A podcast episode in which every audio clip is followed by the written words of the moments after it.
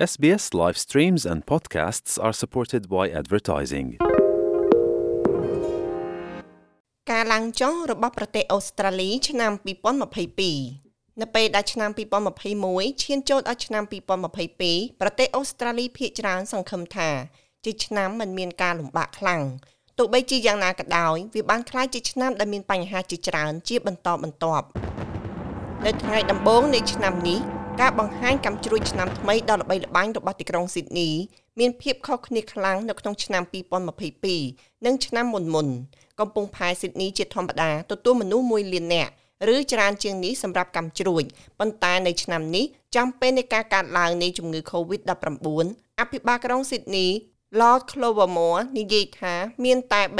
36,000នាក់ប៉ុណ្ណោះដែលនៅទីនោះ យើងពិតជារីករាយដែលមានមនុស្សជាច្រើនជ្រើសរើសនៅផ្ទះហើយមើលការ live យើងពិតជារីករាយចំពោះអាកប្បកិរិយារបស់ប្រជាជនទាំងនោះដែលមានវត្តមាននៅកំពង់ផែវាគឺជារត្រីស្ងប់ស្ងាត់មួយអូមេក្រុងបានលេចចេញជាបារយ៉ង់នៃជំងឺ Covid-19 នៅពេលដែលឆ្នាំថ្មីបានចាប់ផ្ដើមហើយការកើនឡើងរបស់វាប៉ះពាល់ដល់ការប្រកួតកីឡាវីធីនី Australian Open កាលពីខែមករា ជាពិសេសវាប៉ះពាល់ដល់កីឡាករវីធីនីតំណាងអន្តរជាតិ Novak Djokovic កីឡាករលំដាប់លេខ1របស់ពិភពលោក សង្ឃឹមថានឹងឈ្នះជើងឯក Grand Slam លើកទី21ប៉ុន្តែទិដ្ឋការរបស់គាត់ត្រូវបានលុបចោលហើយនៅពេលដែលមកដល់គាត់ត្រូវបានគេផ្លាស់ទៅសន្តាគារ Carlton Park ជាកន្លែងដែលជនភៀសខ្លួនតស៊ូមតិហើយអ្នកគ្រប់គ្រងកីឡាវីធីនីបានប្រមូលផ្ដុំគ្នានិងជជែកវែកញែកអំពីគុណសម្បត្តិនៃករណីរបស់គាត់។ going on court they can នៅតុលាការ គេអាចធ្វើរឿងជាច្រើនដែលគេនឹងឲ្យនូវ៉ាញ៉ាំនំប៉័ងដុះផ្សិតឬនំប៉័ងខ្មួតស៊ីឬ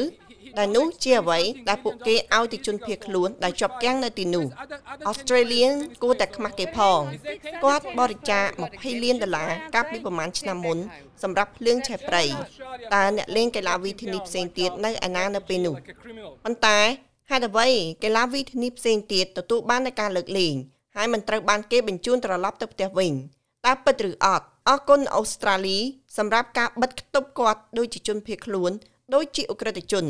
ក្រោយមកគាត់បានឈ្នះនៅការតវ៉ានៅតុលាការហើយត្រូវបានដោះលែងពីការឃុំឃាំងផ្នែកអន្តោប្រវេសន៍ប៉ុន្តែត្រូវបានចាញ់បន្ទាប់មកទៀតដោយតុលាការសហព័ន្ធ គ្រប់គ្រងការលុបចោលទឹកតការរបស់គាត់ដោយហេតុផលដើម្បីផលប្រយោជន៍សាធារណៈដើម្បីកាត់បន្ថយហានិភ័យនៃការជំរុញទឹកចិត្តឲ្យប្រឆាំងនឹងការចាក់វ៉ាក់សាំងដូច្នេះគាត់ត្រូវបានគេនិរទេសចេញហើយមិនបានទៅលេងនៅអូស្ត្រាលី Open ទេប៉ុន្តែ Ash Barty បានធ្វើនិងបង្កើតប្រវត្តិសាស្ត្រដោយក្លាយជាកីឡាករនីជនជាតិដើមទី2ដែលបានឈ្នះការប្រកួត និងជាស្ត្រីអូស្ត្រាលីដំបូងក្នុងរយៈពេល44ឆ្នាំដែលបានលើកពាននេះ I think as as an Aussie um ខ្ញុំគិតថាក្នុងនាមជាជនជាតិអូស្ត្រាលីផ្នែកសំខាន់បំផុតនៃការប្រកួតនេះគឺអាចចែករំលែកវាជាមួយនឹងមនុស្សជាច្រើនហើយអ្នកមិនគួរមានការអៀនខ្មាស់ដោយភាពពិសេសរបស់អ្នកណាមួយនោះទេនៅក្នុងហ្វូងមនុស្សសប្តាហ៍ថ្ងៃនេះអាបាទីបានចូលនិវត្តន៍ពីកីឡាវីធីនេះមួយខែក្រោយមក នៅថ្ងៃទី20ខែមករាប្រទេសអូស្ត្រាលីបានឆ្លងផុតសញ្ញាសម្គាល់ថ្មីដែលមិនគួរឲ្យស្វាគមន៍ដោយកំណត់ត្រាករណីឆ្លងមេរោគច្រើនជាង2លានចាប់តាំងពីការរាតត្បាតបានចាប់ផ្ដើមគិតត្រឹមដំណាច់ខែនេះប្រទេសអូស្ត្រាលីបានកត់ត្រាចំនួនអ្នកស្លាប់ប្រចាំថ្ងៃខ្ពស់បំផុតរបស់ខ្លួនដោយសារជំងឺ Covid-19 មាន97នាក់ត្រូវបានរាយការណ៍នៅក្នុងប្រទេសប្រធានផ្នែកសុខាភិបាលរបស់រដ្ឋ Queensland លោក John Garrett មានប្រសាសន៍ដូចនេះថា This is the peak it's not the end នេះគឺជាកំពូលមិនមែនជាទីបញ្ចប់ទេ នៅមានមនុស្សជាច្រើនឆ្លង COVID គឺមានមនុស្សជាច្រើនយើងទៅតែបានត្រឹមពាក់កណ្ដាលផ្លូវវាមិនទាន់ដល់ទីបញ្ចប់ទេ វាមិនទាន់យឺតពេកទេនៅក្នុងការចាក់វ៉ាក់សាំងជំរុញកំណត់ត្រាបន្ថែមទៀតត្រូវបានកំណត់នៅពេលដែល Dalan Accord បានទទួលពានរង្វាន់ Australia of the Year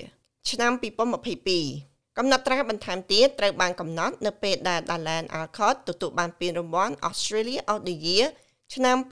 2022ដែលជាលើកទី1នៅក្នុងប្រវត្តិសាស្ត្រក្នុងវ័យ62ឆ្នាំដែលជាពានរង្វាន់សម្រាប់ជនពិការត្រូវបានគេទទួលស្គាល់យ៉ាងខ្លាំង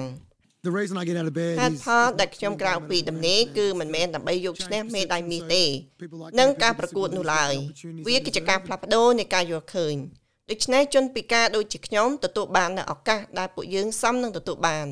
នៅថ្ងៃទី21ខែកុម្ភៈរដ្ឋាភិបាលសហព័ន្ធបានបើកព្រំដែនប្រទេសអូស្ត្រាលីឡើងវិញដើម្បីចាក់វ៉ាក់សាំងដល់ភ្ញៀវអន្តរជាតិហើយនៅថ្ងៃទី23ខែកុម្ភៈអូស្ត្រាលីបានដាក់ទណ្ឌកម្មលើរុស្ស៊ីជុំវិញការបង្កើតទ័ពនៅព្រំដែនជាមួយអ៊ុយក្រែននោះគឺជានាយករដ្ឋមន្ត្រី Scott Morrison We can't have some suggestion យើង that Russia មិនអាចមានសំណើ just ចំពោះរុស្ស៊ី hates ថាមានករណីខ្លះ They're នៅទីនេះតែពួក They're គេកំពុង behaving កាត់ like ទោស thugs and bullies. ពួកគេមានអាកប្បកិរិយាដូចជាចោរនិងជាអ្នកធ្វើឲ្យគេមានការជិះចាប់ហើយពួកគេត្រូវបានគេហៅថាជាចោរនិងជាអ្នកបង្កភាពជិះចាប់មួយថ្ងៃក្រោយមករុស្ស៊ីបានចូលឈ្លានពានអ៊ុយក្រែន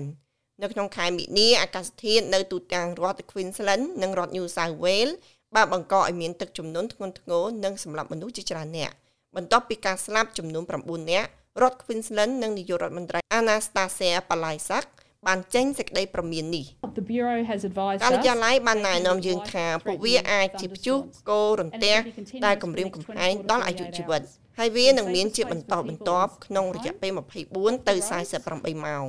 ដូច្នេះកន្លែងសុវត្ថិភាពបំផុតសម្រាប់ប្រជាជនគឺនៅផ្ទះនិងចុះពីផ្លូវធ្វើដំណើរ ខែមីនាគឺជាខែដ៏ក្រៀមក្រំមួយសម្រាប់អ្នកគ្រប់គ្រងកីឡាវីសីទូទាំងពិភពលោក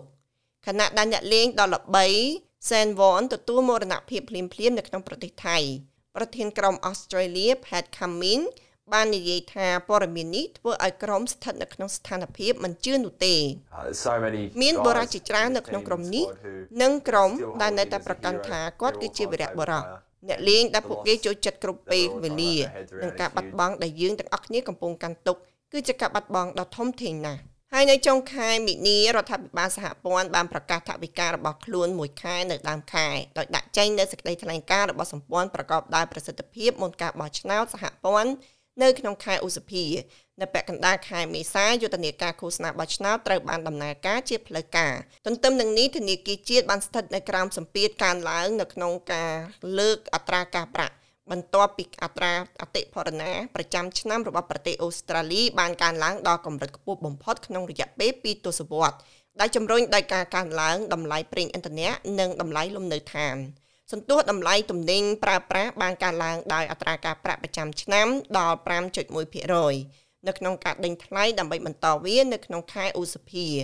ធនាគារជាតិបានដំឡើងអត្រាការប្រាក់ដល់25ចំណុចមូលដ្ឋានដែលជាការកើនឡើងអត្រាដំបូងនៅក្នុងរយៈពេល11ឆ្នាំ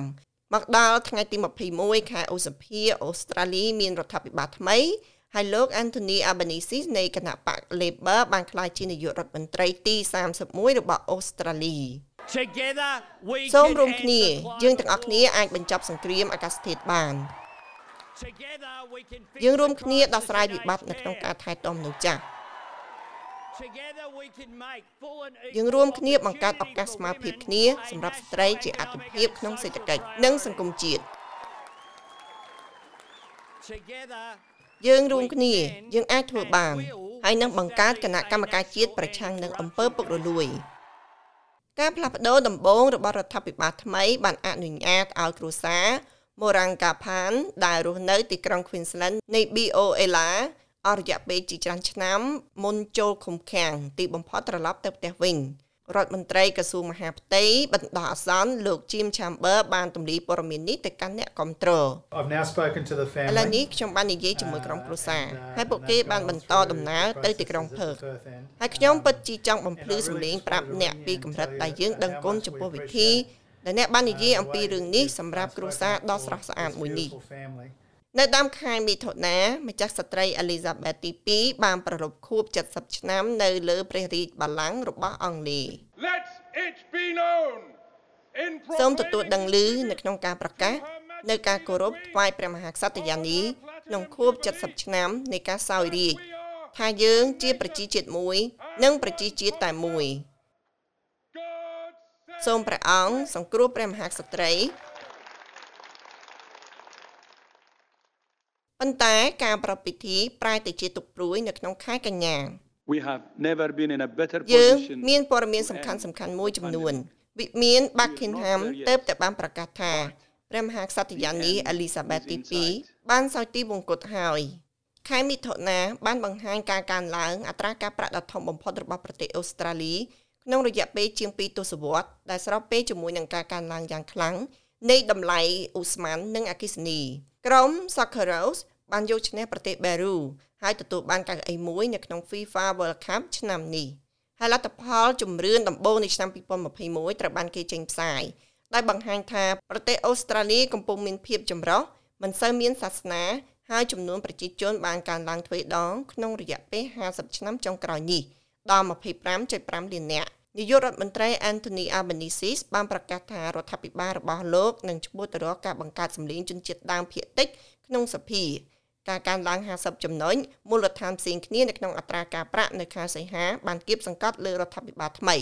ខណៈដែលគេព្យាយាមផ្ដល់នូវការធានាឡើងវិញសម្រាប់ក្រុមគ្រួសារក្រោយមកក្នុងខែនេះប្រទេសអូស្ត្រាលីបានបាត់បង់អ្នកតំណាងតន្ត្រីករជាទីស្រឡាញ់ចំនួន2រូបអ្នកចម្រៀងនាំមុខនៃ The Seeker Judy Daham បានទទួលមរណភាពនៅក្នុងអាយុ79ឆ្នាំដែលគេតំណែងរបស់នាង មានរយៈពេលរាប់ទសវត្សរ៍ ប៉ុន្មានថ្ងៃក្រោយមកតារាសម្ដែងនិងជាតារាចម្រៀង Oliver Newton John បានទទួលមរណភាពនៅសហរដ្ឋអាមេរិកដែលធ្វើឲ្យអ្នកគ្រប់គ្រងនឹងពិភពកំសាន្តជុំវិញពិភពលោកកាន់ទុក្ខនៅក្នុងខែសីហានាយករដ្ឋមន្ត្រីបានស្វែងរកដំបូន្មានផ្នែកច្បាប់បន្ទាប់ពីការបើកសម្ដែងរបស់អ្នកកាន់តំណែងមុនរបស់គាត់បានស្បត់ដោយសម្ងាត់ នៅក្នុងផលប័ត្ររដ្ឋមន្ត្រីមួយចំនួន Australians knew ប្រជា during the ជន election អូស្ត្រាលីបានទទួល campaign នៅក្នុងអំឡុងពេលយុទ្ធនាការបោះឆ្នោតថាខ្ញុំកំពុងដឹកនាំក្រសួងស្រមោលអ្វីដែលពួកគេមិនដឹងនោះគឺថា Scott Morrison កំពុងគ្រប់គ្រងរដ្ឋាភិបាលស្រមោលនោះគឺជាប្រភេទនៃភាពកំសោយនៃការដឹកនាំដែលយើងនឹងសើចចំអកប្រសិនបើវាស្ថិតនៅក្នុងប្រទេសដែលមិនមានលទ្ធិប្រជាធិបតេយ្យ ខែកញ្ញាបាននាំមកនៅការកើនឡើងអត្រាការប្រាក់មួយចំនួន ដែលជាការកើនឡើងលើកទី5ជាប់ជាប់គ្នាដែលធ្វើឲ្យមនុស្សជាច្រើនពិតជាជួបនឹងការលំបាកជាមួយនឹងការចំណាយប្រចាំថ្ងៃប៉ុន្តែនៅក្នុងដំណឹងប្រសើរជាងនេះវាបានកើនឡើង We have never been in a better យើងមិនដែល position មានទីតាំងប្រសើរជាងមុនក្នុងការបញ្ចប់ជំងឺរាតត្បាតនោះទេ We're not there yet. យើងមិនទាន់មាននៅឡើយទេ The end ប៉ុន្តែ is ទីបំ inside. ប៉ុន្តែទីបញ្ចប់គឺនៅក្នុងការមើលឃើញ នោះគឺវិជ្ជបណ្ឌិត Tedros Ghebreyesus របស់អង្គការសុខភាពពិភពលោកបានប្រកាសអំពីអត្រាមរណភាពទាបបំផុតរយៈពេល2ឆ្នាំសេចក្តីប្រកាសនេះបានប្រកាសពីការបន្ធូរបន្ថយវិធានការនៅគ្រប់ទីកន្លែងបើទោះបីជានៅតែបន្តអត្រាឆ្លងខ្ពស់ក៏ដោយនៅពាក់កណ្ដាលខែតុលាអូស្ត្រាលីបានបញ្ចប់ច្បាប់ដាក់ឲ្យនៅដាច់ដោយឡែកពីគេដោយសារ COVID-19